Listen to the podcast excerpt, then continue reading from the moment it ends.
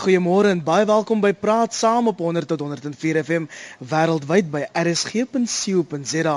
My naam is Iver Price en ek en regisseur Jody Hendriks is regstreeks vanaf die Woordfees op Stellenbosch. Hierdie program word aangebied in samewerking met die Universiteit Stellenbosch Bestuurskool se Bestuursontwikkelingsmaatskappy. En vanoggend besin ons op besin ons oor die toekoms van sakeopleiding in Suid-Afrika. Nou die regering sê te min nuwe gegradueerdes word jaarliks by die werksmag gevoeg Maar het ons gekwalifiseerde mense nodig of het die land in werklikheid eerder behoefte aan praktiese opleiding? Is grade en diplomas oorbodig wanneer leerders se vermoë om probleme prakties en analities te benader beter ontwikkel word? Om meer lig op hierdie onderwerp te skyn, praat ons vanoggend met professor Stan Du Plessis, 'n makroekonoom aan die Universiteit Stellenbosch. Goeiemôre Stan. Goeiemôre Iver. Ons verwelkom ook vir professor Benny Anderson wat hom veral beywer vir volwasse leerervarings. Hy is die mede-stigter van die Da Vinci Instituut. Goeiemôre Benny. Goeiemôre Iver. En telefonies in Pretoria praat ons met professor Marie Jansen van Rensburg. Sy is die ARA hoof bemarking en strategie by Unisa se skool vir bedryfsleierskap, die SBL. Goeiemôre Marie. Goeiemôre Iver. Stan, kom ons begin by jou. Oral waar mense kom predik, smeek mense oor die belangrikheid van formele akademiese kwalifikasies. Is dit wat die land nodig het of sal ons meer baat by praktiese opleiding? Ehm um, Iwer ek sal begin deur te sê nie een van ons weet wat die land nodig het nie. So ons moet ons syne gaan kry uit die inligting wat ons kan in in op die onderwerp vanoggend is die belangrikste syne wat ons kry uit die arbeidsmark uit. So as jy dink dat daar 'n probleem is met persone wat gradueer met formele kwalifikasies dan sou jy gaan soek vir 'n syne in die arbeidsmark wat byvoorbeeld sê dat in dat gegradueerde Suid-Afrikaners tot 'n groot mate werkloosheid kry of of of onder in diens geneem word. Ons kry geen so 'n aanduiding uit die arbeidsmark uit nie. So een ding wat ons weet is dat dat uh Suid-Afrikaners wat met goeie kwalifikasies gradueer, het 'n baie goeie toekoms in die arbeidsmark. Dit sê vir daar's nie te veel gegradueerde Suid-Afrikaners nie. Maar dit antwoord nog nie jou vraag ten volle nie. Dit beteken nie daar's nie ruimte vir kwalifikasies oor 'n breë spektrum van vaardighede nie. Maar nou moet ons ook na die arbeidsmark se inligting daar gaan kyk sien ons byvoorbeeld dat daar 'n groot relatiewe prysstygings is in die lone van persone met vaardighede reg oor die spektrum van eh, van vaardighede vanaf kom ons sê 'n tradisionele ambag alipad tot by nagraadse kwalifikasies. En die en die eerlike antwoord is ons sien nie 'n groot distorsie in daardie relatiewe pryse nie. Maar dit is kritiek op die ekonomie eerder as kritiek op die onderwysstelsel. Ons weet dat die kritiek onder uh onderpresteer en ons weet dat die ekonomie spesifiek onderpresteer vir persone met met 'n relatiewe swak skool uh, agtergrond. So wanneer ons sê die huidige ekonomie toon nie daai wanbalans op die huidige arbeidsmark toon nie daardie wanbalans in terme van relatiewe pryse nie, beteken dit nie dit behoort nie so te wees nie. Ons behoort 'n meer dinamiese ekonomie te hê en daardie meer dinamiese ekonomie behoort meer persone reg oor die vaardigheidsspektrum in te trek. Ek wonder of Benny met jou saamstem met laat mense nogal wonder of akademiese opleiding oor die laaste paar jaar wel tred gehou het met al die opwindende ontwikkelings rondom ons. Alhoewel ek dink as ons kyk in die laaste 20 jaar het daar 'n uh, 'n groot mate van akademiese ontwikkeling plaasgevind wat nie vroeër plaasgevind het nie. In die sin, ons het groot getalle mense in leerlingskappe ingeneem. Ons het groot getalle mense uh toegelaat tot universiteitsopleiding. Ons het groot baie groot getalle mense toegelaat tot ander uh opleidings uh programme in die naskoolse stelsel. Nou as ons in ag neem hoeveel geld gespandeer is en hoeveel tyd gespandeer is om groter getalle mense gereed te kry vir die arbeidsmark, maar ons hoor nog steeds van die van die werkplek dat daar is 'n 'n tekort aan mense wat opgelei is om die werk te doen dan is daai die aard van die saak iewers 'n probleem. Ek wil met Stan in die sin saamstem. Ek dink nie ons weet presies wat die probleem is nie. 'n Probleem wat ek ervaar is dat ek dink nie daar is 'n voldoende gesprek tussen die werkplek en die opleidingsplek nie. Ons het 'n langstaande tradisie wat uit die Europese idioom gevestig is oor wat dit beteken om gekwalifiseer te wees en akademies opgelei te wees. Ons is in 'n ontwikkelende ekonomie. As jy na lande gaan soos in Brasil uh en jy gaan na lande soos Indië toe, dan is die fokus nie so seer oor die akademiese kwalifikasie nie. Maar die fokus is wys vir my dat jy vaardigheid het en dat jy 'n bydrae kan maak tot vandag se werk en die taak wat gedoen moet word. Ons is nie ons het iets daar nog nie reg gedoen nie. Nou is dit dat ons nie duidelik is, is oor wat's die werk wat ek van jou verwag nie. Dis moontlik. Maar ek dink daar moet nog baie werk gedoen word en ons het nie die tyd nie. Want ons verloor kosbare uh ekonomiese insettyd deurdat ons mense nie uh, nie kan aanstel wat dan nou werkbaar of wat wat in die Engels sê employable is nie. En ek dink vir my kan dit 'n groter probleem. Ek is minder besorgd oor die feit of ons geregistreerde en geakkrediteerde kwalifikasies het al dan nie. Ek is besorgd of ons die idioom verstaan van wat die werkplek se behoefte vandag is. As nou, jy teruggaan as net nog een punt maak na die Universiteit Oxford in die 1500s het jy akademici gekry wat na ure of wel eintlik dit was deel van hulle werk het hulle na ure na mense se huise gegaan en vaardigheidsopleiding gegee hulle het mense in die steenkoolmyne geleer om te leer en te skryf en om basiese rekeningkunde te doen dit was die rol van die universiteit 300 jaar terug ek is nie seker ons weet in terme van die verskillende opleidingsafdelings wat ons het vlakke of ons dit al goed geartikuleer het nie Kom ek gee gou die nommer, die telefoonlyn is oop. Jy bel ons by 021 8838202. Daar's 'n tweede nommer ook 021 8838205. Marie, die punt hier is besighede stel belang in oplossings vir sakeprobleme. Kan boekekennis alleenlik daardie oplossing oplossing skep waar wat die land nodig het? Ek dink baie bly jy vra daai vraag want ek dink nie so nie. Um en en ek dink spesifiek waar ons beweeg vandag. Jy weet die ouens um wat net boeke kennis het, gaan in 'n in 'n maatskappy in en hulle hulle kan bydra op grond van dit wat hulle geleer het, maar wat ontbreek is konteks. Ehm um, so en aan die ander kant 'n ou wat net ervaring het, sit tipies in 'n situasie waar dinge so vinnig verander dat hy ook nie oplossings kan skep nie. So ek dink die een of die ander is nie die regte antwoord nie. Ek dink is beide. Maar ek dink ons moet bietjie begin kyk na die dinge wat verander moet word. Die eerste ding vir my is die manier waarop kennis oorgedra word. Jy weet kennis is onmiddellik beskikbaar. Ek ek kyk hoe werk my tiener seun. Ek vra 'n vraag en ek Google die antwoord. So ou kan nie meer in die klas staan en die handboek voorlees nie. Jy moet jy moet gaan uitdagings skep. Jy moet jy moet mense leer hoe om dinge krities te evalueer. Jy moet gaan konteks skep en jy moet gaan konteks skep binne in Afrika, binne in Suid-Afrika en binne 'n spesifieke toepassingsveld. Um so ek dink dit is baie belangrik. Ek dink die ouens moet begin dink oor hoe ons kennis oordra want dit gaan nie meer oor die oordrag nie. Dis 'n interaktiewe proses. Dit is dis nie meer 'n dosent staan voor in die klas en die studente neem die kennis waar nie. Ek dink die ander ding wat gebeur moet wat gebeur, moet gebeur is dat ons ehm um, geleenthede en 'n omgewing moet skep waar ou voortdurend kan ontwikkel en dis nie noodwendig tradisioneel nie en en die geleenthede binne in 'n universiteitskonteks verander ook. Jy weet, 'n uh, onlangse studie wat gedoen is en dit is wêreldwyd, maar dit is ook van toepassing hier binne in Suid-Afrika is 73% van studente het gesê hulle kan nie leer sonder tegnologie nie.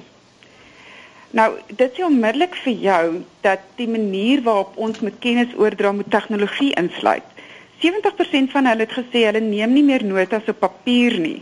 Nou dis ook interessant want jy weet ons verwag nog studente om kennis as ons 'n toets op papier neer te skryf. Hierdie ouens kan nie meer skryf nie. Hulle kan tik, hulle kan nie meer skryf nie.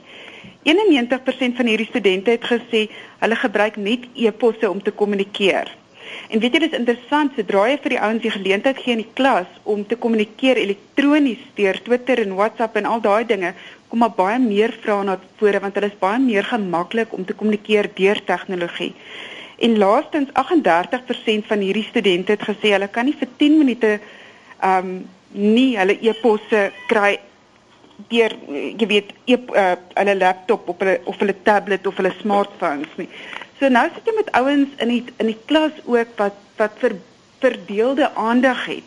So ek dink dit is baie interessant as ons gaan kyk na die omgewing. Ek dink dit is een van ons eerste goed wat ons moet begin verander is hoe werk ons met studente, maar nie net voorgraadse studente nie. Hoe werk ons met bestuurders deurlopend om vir hulle daai geleentheid te bied om te ontwikkel en, en daar stem ek saam met jou vorige sprekers. Ek dink daar moet baie meer samewerking wees tussen industrie en universiteit.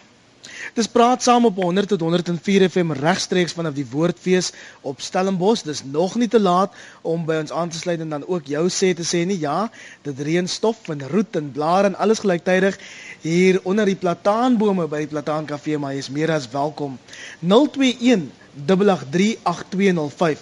Ek verneem dis die beste nommer om vanoggend te bel. 021 8838205.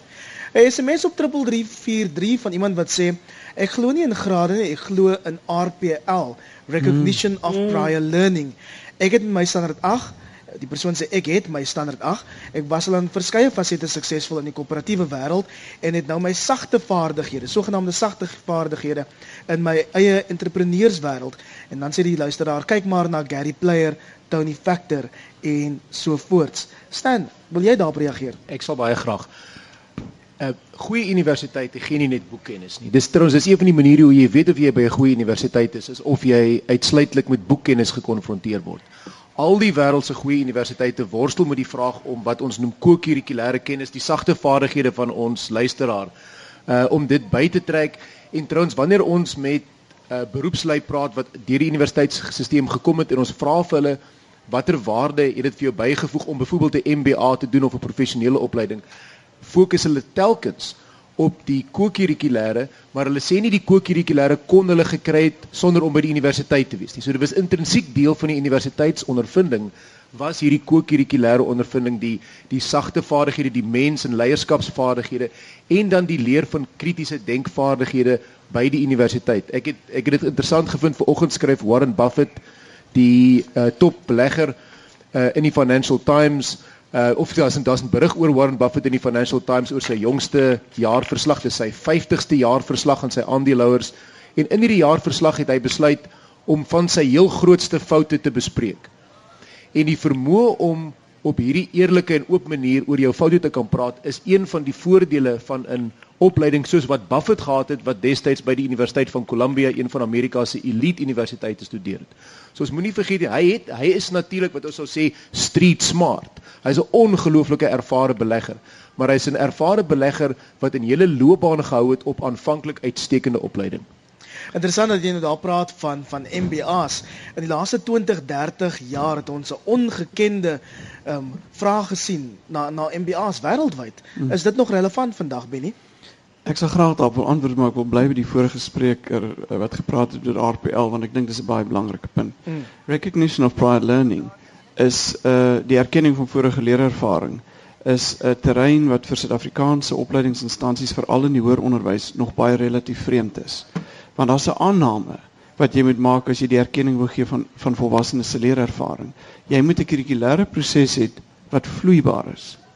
So as jy nie bereid is om die eh, in, in Engels gesê 'n co-creation wil doen van reality nie, kan jy eintlik nie die die evaluering, die erkenning van vorige leerervarings toestaan nie.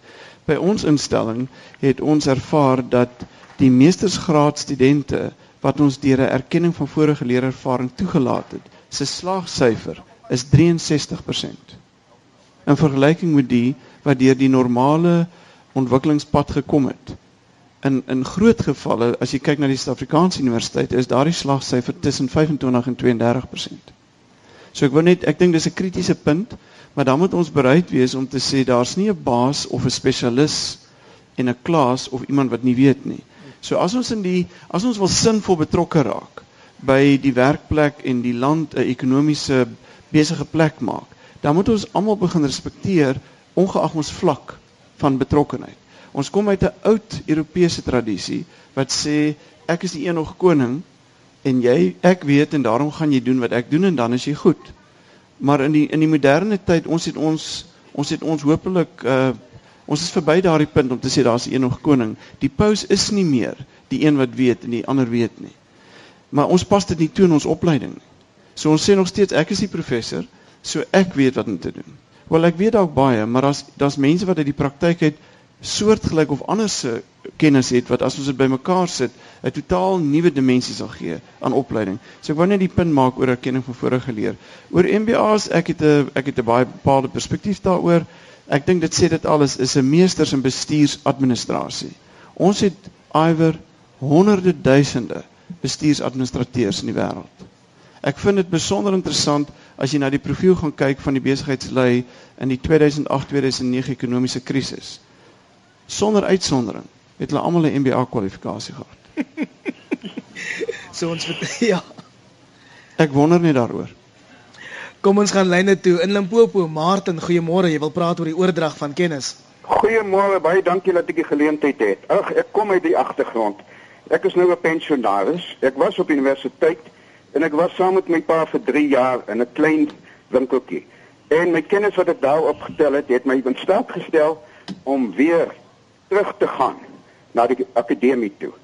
En dat ek jou sê ek was 'n beter dosent want die moeilikheid en ek wil nou nie mense uh, benadeel en hulle sleg maak nie, maar gewoonlik is dit die beste studente wat daar inskryf vir bekom wat vorder van senior van lektor na senior lektor en uiteindelik na professor en selfs dekaan, maar hulle het nog nooit self 'n boksie vuurtjies aan 'n kliënt verkoop nie. En hulle het nog nooit 'n kliënt se klagtes werklik hanteer nie.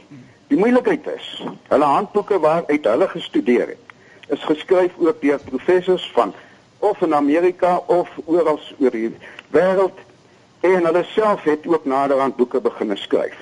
En die mense weet nie self wat aangaan daar nie want hulle het nie dit ervaar nie. Dis nie soos mense wat aangestel word as advokate in die regsfakulteit van die universiteit wat advokate was of geopteerde rekenmeesters of ingenieurs of aptekers wat self praktiese ervaring gehad het nie. En laat ek vir jou sê die enigste oplossing is dat ons moet meer prakties wees. En daarom sê ek asseblief gaan na die praktyk toe. Die akademies is ook belangrik. Maar die moeilikheid, ek sal vir jou sê die beste boeke wat vir my opleiding gegee het en daarmee wil ek afsluit. Is boeke wat geskryf is wat mense wat sê hulle was 25 jaar in besigheid en hulle is baie dankbaar om daardie ervaring op 'n boek te uh, in 'n boek uh, bekend te stel. Maar daardie boeke, my liewe vriend, word nooit op universiteit as handboeke gebruik nie. Dis my punt. Baie dankie. Dankie vir jou oproep Martin met respek aan al die geëerde professors wat vanoggend hier deelneem aan die gesprek. Marie, ek wonder of jy daarop wil reageer. Graag. Ek stem eintlik baie ehm um, saam met Martin. Ek dink praktiese ervaring is verskriklik belangrik en ek dink dis waar bestuurskole inkom. Jy weet by bestuurskool gaan jy nie 'n professor kry sonder praktiese ervaring nie. En ek wil ook vir jou sê ons moedig dit aan dat professors en akademici nog steeds betrokke is in die industrie. So ek stem 100% saam met Martin. In terme van die boeke wat bloot op praktiese kennis geskryf is in terme van die voorskrif van daai boeke, Martin, ek kan nie met jou saamstem nie. Dis soos al hierdie die eetgiere wat uitkom en sê jy weet verloor 10 kg binne 2 dae, maar die punt is dit is nie wetenskaplik getoets nie. Hmm, interessante punt. As jy dalk laat mens ingeskakel het, jy luister na Praat Saam op 100 tot 104 FM wêreldwyd by rsg.co.za. Ons praat vanoggend oor die toekoms van sakeopleiding in Suid-Afrika. En as ons na jou toe kan teruggaan staan, ons praat nou so oor kursusse en al daai dinge. Wat is die inhoud van beroepsopleiding en het dit in die laaste paar jaar ehm um, goed genoeg aangepas by by die behoeftes? Dit het beduidend geskuif, Iwer. Eh, in in bestuurskursusse oral oor die wêreld vind jy 'n 'n belangrike komponent of 'n belangrike nuwe klem op byvoorbeeld volhoubare ontwikkeling, op die op sake etiek, op van die sagter vaardighede uh waarvan van ons uh uh luisteraars reeds gepraat het. So ek dink ek dink ons sien dit en ons sien dit ook in die erkenning vir sakelei. Ons het verlede jaar wat het Financial Times se sakeleier van die die sakeleier van die jaar wat Financial Times gekies het was Tim Cook van Apple. En en hulle het nie vir Tim Cook gekies weens die finansiële sukses van Apple nie, alhoewel dit beduidend is. Hulle het vir Tim Cook gekies as sakeleier van die jaar presies weens sy sterk standpunte oor oor volhoubaarheid, oor gelykheid en en oor sy vermoë om te kan opstaan teen die druk uit die finansiële sektor wat op mense kan amper wou sê op op gewoon tegniese maniere die bes, die besluite van te, van Apple wou manipuleer en hy wou 'n langer termyn sake perspektief neem. So ons sien dit in die korporatiewe sektor en ons sien dit in die in die programme wat by bestuurskole aangelê word dat ons gereageer het op hierdie veranderinge in die samelewing in behoefte aan 'n ryker stel bestuursvaardighede as bloot tegniese vaardighede as bloot byvoorbeeld kennis in finansiële bestuur. Soveel SMS'e wat instroom maar Benny reageer geweers. Ek wil aansluit daarbey en nog 'n punt daarbey voeg. Ek dink die volhoubare gesprek is 'n belangrike een, maar ek dink die vraag oor hoe innoverend ons dink in ons sakeopleiding is vir my 'n kritiese gesprek wat ek nie altyd seker is ons is al mee besig nie. Uh in ons evaluering van sake van besighede in Suid-Afrika het ons uh, werk ons met die met 160 uh, beste presterende maatskappye in die land. En om ons die evaluering gemaak tussen tot hoe mate is hulle gefokus op produk innovasie of oor proses innovasie en sosiale en sistemiese innovasie. En dit is interessant om te sien dat omtrent 82% van hulle sal hoogstens produk innovasie doen. Maar ons is nie besig om 'n alternatiewe stelsel of 'n alternatiewe proses of 'n alternatiewe sosiale konteks te skep nie. En die besorgdheid vir my daarmee is ja, ons is 'n ontwikkelende ekonomie, maar dit beteken ons erf eintlik 'n klomp inligting van elders en ons word dan eintlik die tweede rangse uh, reprodusering van daardie inligting. So so daar word 'n sekere rekenaarprogram ontwikkel of daar word 'n sekere voertuig ontwikkel of daar word 'n sekere padtegnologie ontwikkel en wat ons dan dikwels doen as Suid-Afrikaners, ons vat dit en ons maak verander dit miskien 'n bietjie, maar eintlik is ons nie die eienaars daarvan nie. So ons kry onsself nie dat ons uh uh, uh we, we are not becoming knowledge workers. En in daardie sin bly ons eintlik tweede rangse potensiële wêreldburgers. Want ons vat wat ander doen en ons doen nie genoeg wat ons wat ander by ons vat nie. Daar's enkele voorbeelde daarvan. Elon Musk is 'n baie goeie voorbeeld van Suid-Afrika, hoogs suksesvol. Daar's ander ook, maar daar's baie min van ons en ek dink daar kan baie meer wees en as universiteit in besonder moet ons 'n kritiese rol speel om daardie innovasieruimte te skep sodat ons jong mense kry en vir daardie net sowel volwassenes kry wat eintlik die grense uh, die grense verskuif en sê maar dis nie genoeg dat julle net vir ons gee wat bekend is nie. Kom ons werk met wat nie bekend is nie. SMS van Pieter wat sê dit gaan nie net oor kwalifikasies nie. Leer eers die mense wat is werksetiek en om dit wat jy doen effektief te doen. Leon sê bestuurders in die algemeen het nog nie aanvaar dat hulle 'n leerkultuur moet skep en 'n coach moet wees nie. Help 'n bietjie die opleiers om leermateriaal in die werkplek in werking te kry. Dan sê Ben werkloosheid en swak ekonomiese groei het bitter min te doen met opleiding. Die obstruktiewe rigiede arbeidswetgewing is die hoofoorsaak. Marie, as ons die gesprek bietjie kan swaai, is nie tyd om 'n uh, alternatiewe sakeopleiding of alternatiewe sakeopleidingsprogramme te vestig nie? Ek stem 100% saam. Weet jy, ons is op die oomblik besig met met uh, evaluasie van wat ons aanbied en ons het 'n interessante proses wat ons gebruik. Ons begin kyk eers na wat is die bestuurder wat ons wil skep? Wie is die bestuurder? Op watter vlak funksioneer hy? Op watter vlak ehm um, behoort so 'n persoon te kan dink? Op watter vlak behoort so 'n persoon te ontwikkel in terme van sagte skills ook.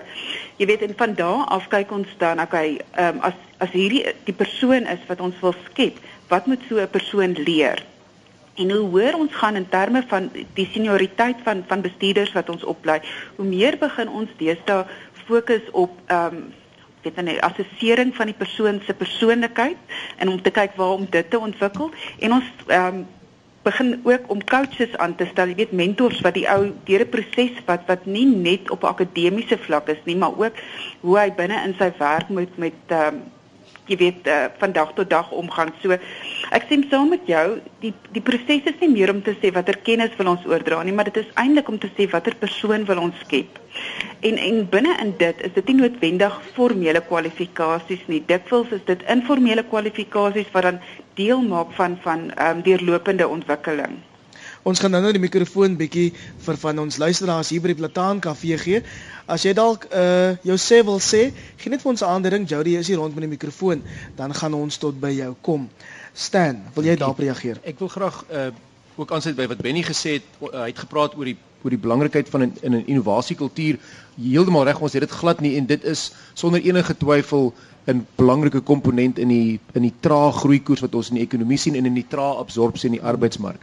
Een van die luisteraars het byvoorbeeld gewys na die rol van wetgewing daarin. En dis deel van die storie nie. Dis nie net dat ons in die opleidingsdeel van ons ekonomie misluk nie. Dit is dat ons 'n stel institusies het wat innovasie kan ontmoedig. 'n Mooi voorbeeld hier in die Wes-Kaap was onlangs die poging om uh wetgewing te gebruik of regulasie te gebruik om die innoverende vervoermaatskappy Uber aan bande te lê omdat hulle nie in sogenaamde uh mark 'n vraag kan bewys nie. Die regulasie ver, vereis dat jy 'n sogenaamde markvraag kan bewys. Nou, die markvraag is bewys deur die feit dat Uber kliënte het. Nee, daar's geen verdere vraag om te vra uit 'n markperspektief nie, maar dit beteken dat daar 'n formele proses is en en die en die markvraag proses ongelukkig vra die die die om die regulasie vra dat die huidige verskaffers van die diens moet kan sê of hulle dink daar is 'n vraag vir 'n kompeteerder en die antwoord daarop is altyd nee. En dit lê innovasie aan bande hmm. in in hierdie spesifieke industrie en ook weier. Net 'n kort opmerking iwer uh, professor Clayton Christensen was verlede week in die land gewees en hy het 'n interessante opmerking gemaak staan oor hulle nagraadse kwalifikasie by Harvard. Hulle het die dosente gevra by Harvard, kom ek stel so hulle in die laaste 3 jaar, hulle het eers 8% vermindering in hulle getalle gehad by die MBA program by Harvard, toe 14% en in die derde jaar 32%. Hulle besluit wel hier's nou 'n probleem. Toe hulle die dosente vra, toe sy terugvoer dat 96% van die dosente meen dat die inhoud is niks meer verkeerd nie.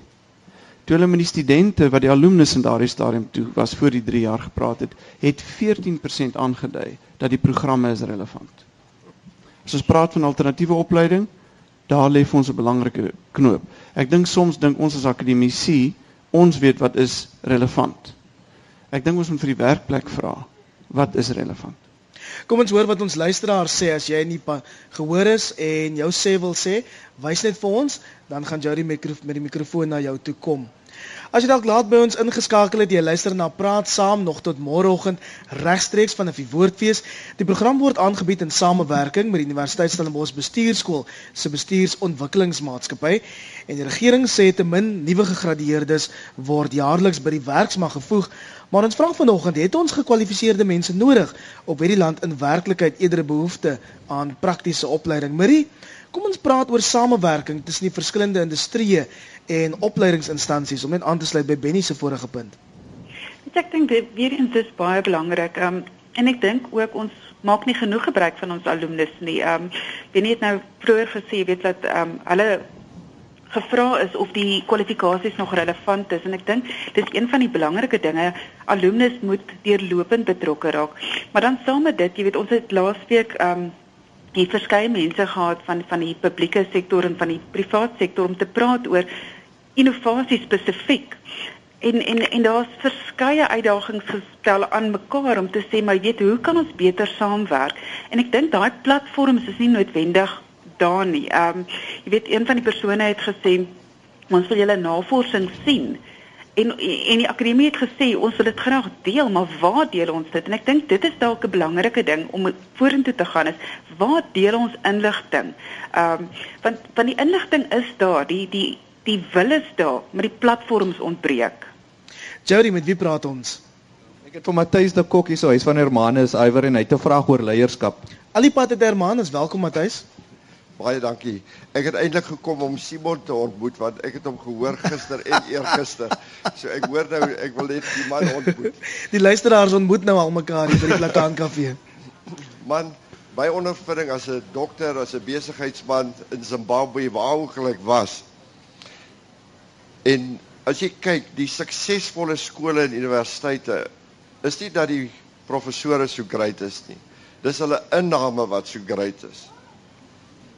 So dis die tipe studente wat hulle kry. Dis die tipe studente en vir die besigheid, vir die regering, vir politieke partye, enige organisasie. Die belangrikste ding is karakter. Mm. Want as jy nie 'n man of vrou van karakter bemagtig nie, bemagtig jy 'n klein duiwel wat gaan groter en beter steel in die ekonomie en die belasting betaal. Baie dankie. Ja, Stan, ek gaan jou vra om daarop te reageer. Die uh die die arriveer van topstudente is krities vir enige goeie universiteit maar ek dink daarom nie dis kontroversieel om te sê dat die studente moet hulle voete stem weens die kwaliteit wat hulle ook waarneem nie. Uh as jy jou goeie professore gaan omruil met 'n stel swak professore gaan die studente baie vinnig moet hulle voete stem en ons sien dit ook in die in die wêreld van tersiêre opleiding. So uh so dis heeltemal reg, maar die kausaliteit loop in twee rigtings. Benny, hoe gaan ons hierdie DNS van sakeopleiding probeer uitpluis? Hmm, die maklik antwoord sê ek weet nie. Ehm Is dit al mense wat hier voor my sit, jy moet probeer antwoord. ek dink ons moet ehm um, eerliker wees met onsself en dalk 'n bietjie reflekteer en sê so ons weet nie eintlik wat om te doen nie. Is ons regtig by daai punt? Wel ek dink dis waar ons moet kom. Ek dink ons moet by 'n eerlike punt kom en sê ons weet nie eintlik wat om te doen nie. In die in die akademiese wêreld is daar verskillende teorieë wat hulle sê freeze en unfreeze. So jy moet soms bietjie die die ding, die situasie vries en dan moet jy eintlik wegkyk van dit af sodat dit 'n bietjie jy bietjie perspektief kry en dan kom jy terug na dit toe. Ek dink ons het vir ons het 'n unfreezing nodig. Ons het nodig om weg te kyk vir 'n oomblik en te sê, "Oké, okay, kom ons erken hierdie ding werk nie." Maar ons kan nie aanhou vertel dat dit nie werk nie. Maar die feit dit is amper 'n bietjie disfunksionele gedrag na sielkundige besorg dit my. Ons sou aan vir mekaar sê dit werk nie. Amper asof ons daarvan hou dat dit nie moet werk nie. Dis soos wat ma daarvan hou dat pa slaan. Want sy gaan nie weg van pa af nie. Nou dieselfde ding is dit werk nie, maar ons hou aan dieselfde ding.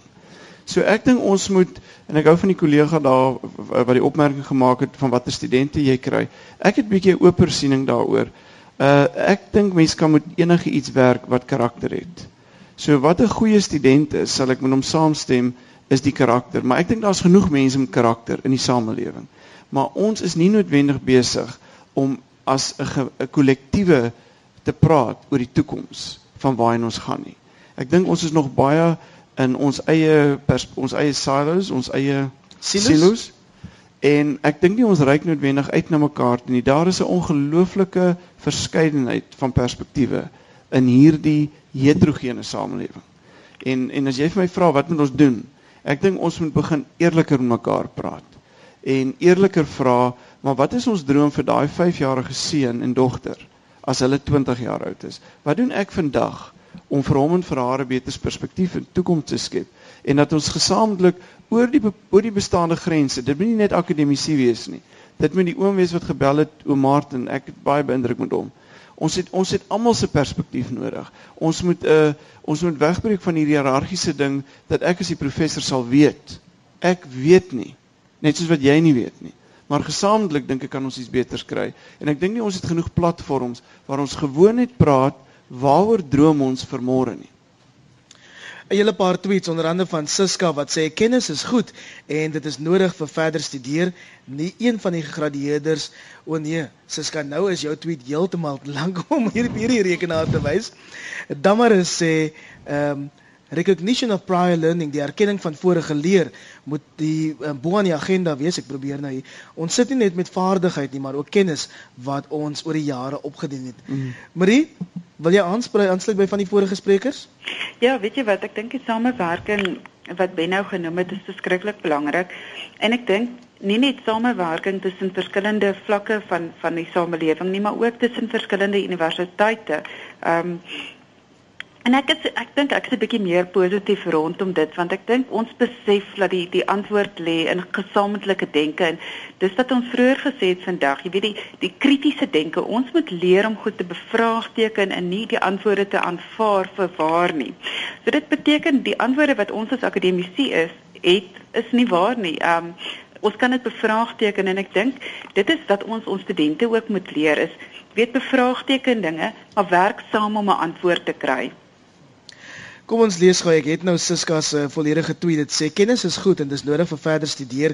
Nie een van die gegradueerdes het die ondervinding wat werkgewer ver, verlang saam met die kwalifikasie nie.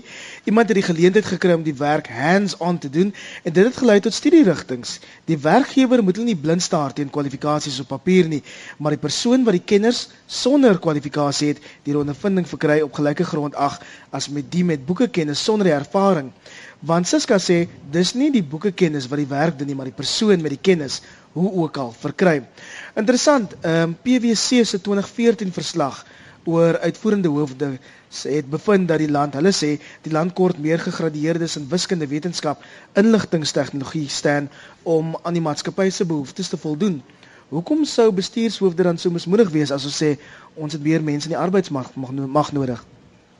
Ehm um, Iver ek dink die bestuurs ek dink die bestuurshoofde is so ont, uh, ontnigter nie. Maar wat wat wel waar is is ons het in suidigheid. En die suidigheid in ons land is dat ons skoolstelsel lewer in 'n groot kohort van skooliere of dan leerders wat relatief swak opgelei is in presies die die harder wetenskappe en die en die sogenaamde SET uh, wetenskappe en dit lei dan tot 'n onderlewering van byvoorbeeld ingenieurs en wetenskaplikes uit ons universiteitstelsel. So daar is 'n probleem, maar ek dink nie dit dit dit is uit onnugtering nie. Ek dink ons identifiseer in werklike mislukking in ons in ons totale opleidingsstelsel in die land. Ehm uh, so ek sou dit ek sou dit net uh net dit, dit net daaroor gesê het. Ek so ek ek dink ek is ook miskien relatief optimisties oor die oor die hoër onderwysstelsel. Dit beteken nie ons moenie deurlopend krities daarna kyk nie, maar dit was nog altyd waar vir hoër onderwys gewees. Die die wetenskapfilosoof Karl Popper het dit fantasties gestel in 'n lesing uh, 'n hele paar jaar gelede toe hy oor die sosiale wetenskappe gepraat het en die bestuurswetenskappe is maar deel daarvan. Hmm. Hy het 'n stelpunte gemaak. Ek wil net die eerste twee noem. Sy eerste punt was ons weet heelwat. En die tweede punt is ons onkunde is grensloos en ontnugterend. Hmm. En die spanning tussen hierdie twee, die die erkenning dat ons dinge weet en dat dit sinvol is om te kom leer, moet altyd in die universiteit gebalanseer word met die wete dat ons kennis of dit ons onkunde grensloos en ontnigterend is en dit is presies die perspektief wat goeie universiteite gee en ek is optimisties dat ons gaan aanhou om dit te gee. Maar ek dink die punt wat Benny maak is dat sakeopleiding nie belyn is met die sake realiteit van hierdie land nie. Hmm. Benny? Ek dink dit is my dis my waarneming. Uh ons is baie betrokke by die as jy wil die heropleiding of die verdere opleiding van gegradueerdes wat geëmploieer is deur groot korporatiewe maatskappye en wat ons dan vra om vir 'n jaar lank hierdie studente meer uh werkbaar in die werkplek laat wees. So jy kry 'n ou wat 'n kwalifikasie het. Het sy ingenieurskwalifikasie en glo daar's heelwat van hulle en of watter ander B-graad ook al, dan kom hulle vir 'n jaar lank en hulle gaan deur 'n internskap waar ons hulle blootstel aan praktyk voorbeelde hoe om meer professioneel te wees in die werkplek. So dit is vir my aan die een kant jammer dat ek as 'n belastingbetaler 4 jaar belê het in jou opleiding en dat die werkplek dan nog 'n jaar moet belê om jou afgerond te kry om in die werkplek te kan werk. Ek dink ons moet daardie goed vroeër met mekaar koppel sodat ons nie daardie addisionele koste het nie. Ek dink 'n dilemma in daardie geval is iwer ons het ongelukkig ook 'n sosiale agenda wat sê ons moet groter getalle en ek praat van duisende studente by universiteite deurkry. Ek is nie seker ons het die infrastruktuur tegnologies en andersins om groter groter getalle en ek praat van duisende meer studente jaarliks by ons huidige universiteite te akkommodeer en nog steeds 'n sinvolle uitset te kry in terme van opleiding nie. Dink ons meer realisties daaroor raak en as ons dit wil doen wat wat ek dink wat wat nie 'n slegte opsie is nie om groter getalle te hê nie, maar dan moet die werkplek 'n integrale deel word van daai opleidingsprogram. Kom ons neem ons laaste opmerking vandag uit die gehoor of vraag Jody? Ja, oor Johan Marie van Stellenbosch en hy wil praat oor mentorskap. Johan? Ek was 'n baie jong man gewees toe ek begin het met 'n raadgewende ingenieursbedryf in 'n nuwe rigting, landbouingenieurswese. En ek dink die wonderlikste ding wat met my gebeur het, was dat daar 'n senior ingenieur was wat hom oor my ontferm het en onder sy vlerk geneem het en vir my eintlik die die pad gewys het. Die punt wat ek wil maak is ek sluit aan by die laaste bydrae wat hier was, is dat die privaat sektor self of of nywerhede of besighede 'n baie groter verantwoordelikheid behoort te neem en nie net dit oor te laat aan universiteite om ons bestuurslei toe te rus. Hmm. Dankie Marie, wil jy bietjie verder uitbrei oor mentorskap en dan sommer jou slotopmerkings gee? Ek wil saam met Johan stem weer eens. Ek dink dit is dit is 'n integrale deel dat jy iemand ook by jou werk het wat jou gaan help. My slotopmerking is om te sê ek is positief oor die oor die onderwysstelsel. Ek dink ons is besig om te verstaan wat verwag word van ons. Ek dink ons is besig om dit aan te spreek. Ek dink daar moet meer samewerking wees. Ek dink daar moet meer platforms wees vir samewerking. En miskien is die platform um, om die mentorskapsgeleenthede te skep vir mense wat ook wil teruggee want Ek wil ook vir julle sê daar is baie mense wat sê ek is nou klaar afgestudeer, ek het ek het bereik wat ek wil bereik en ek wil nou teruggee. En 'n ou moet vir daai mense die geleentheid gee om weer deel te raak van die stelsel. Stan Ek wil dis 'n fantastiese uh, sentiment van Marie se kant af. Ek ondersteun dit ten volle. Ons moet aanhou leer ook. So dis nie net dat ons moet teruggee en saamwerk nie, is ons moet ook die kultuur skep dat jy nooit afgestudeer is nie, dat jy vir die res van jou lewe gaan aanhou leer. Benny, jou slotopmerkings? Ek dink ons moet die fokus op probleemoplossing, kreatiewe denke en besluitneming vroeër posisioneer. Ek is 'n groot voorstander daarvan dat as ons opleidingsprogramme by alle instellings kon kry waarin studente vir 'n jaar lank net probleemoplossing, kreatiewe denke en besluitnemingsvaardighede leer. En vir diegene wat suksesvol daarmee is, kan elk van na die werkplek toe gaan en hulle kan dan 'n akademiese studie voortsit. Maar ons sit dit amper aan die einde as ons tyd daarvoor het. Ek dink ek kan sonder tegniese vaardigheid, maar met goeie probleem en kreatiewe en besluitnemingsvaardigheid kan ek iets doen. So jy glo nog steeds in sakeopleiding het sy geakkrediteer of Nee. nie geakkrediteer nie. Ja. Wil jy dit bietjie bietjie daarop uitbrei? Wel ek dink ons het uh, die afgelope 20 jaar ongelooflike werk gedoen om goed te akkrediteer. Alles is vandag geakkrediteer. Elke liewe ding. Wel ek sien nie noodwendig dat dit maak die uitsette by die werkplek beter nie. So ek dink ons het ook uh, we we've been mesmerized met die idee van geakkrediteerde opleiding. Maar ek dink nie dit het ons probleem opgelos nie. So ek sê nie daar moenie akkreditasie wees nie. Ek vind dit net jammer dat ons gedink het o ek het ek is geakkrediteer en daarmee het ek die probleem opgelos. Ons het nie die probleem opgelos nie. Stan, stem jy daarmee saam? Ja, heeltemal reg. Jou akkreditasie gaan dit nie vir jou doen nie, maar jou jou die wat die die geakkrediteerde kursus vir jou kan doen as hy goed werk, is om vir jou die vermoë te gee om 'n probleemoplossing te kan doen wat Benny ook wil hê. En dit bring ons aan die einde van vanoggend se praat saam 'n bietjie vroeër as gewoonlik. Ons gaan nog 'n bietjie cricket ook inpas. Regstreeks vanaf die Woordfees op Stellenbosch. Baie dankie aan ons gaste. Dit was professor Stan Du Plessis, Ben Anderson en Marie Jansen van Rensburg, onder onderskeidelik van die Universiteit Stellenbosch, Ben Anderson van die Da Vinci Instituut en Marie Jansen van Rensburg aan Unisa se skool vir besigheidstudies verbonde die SBL.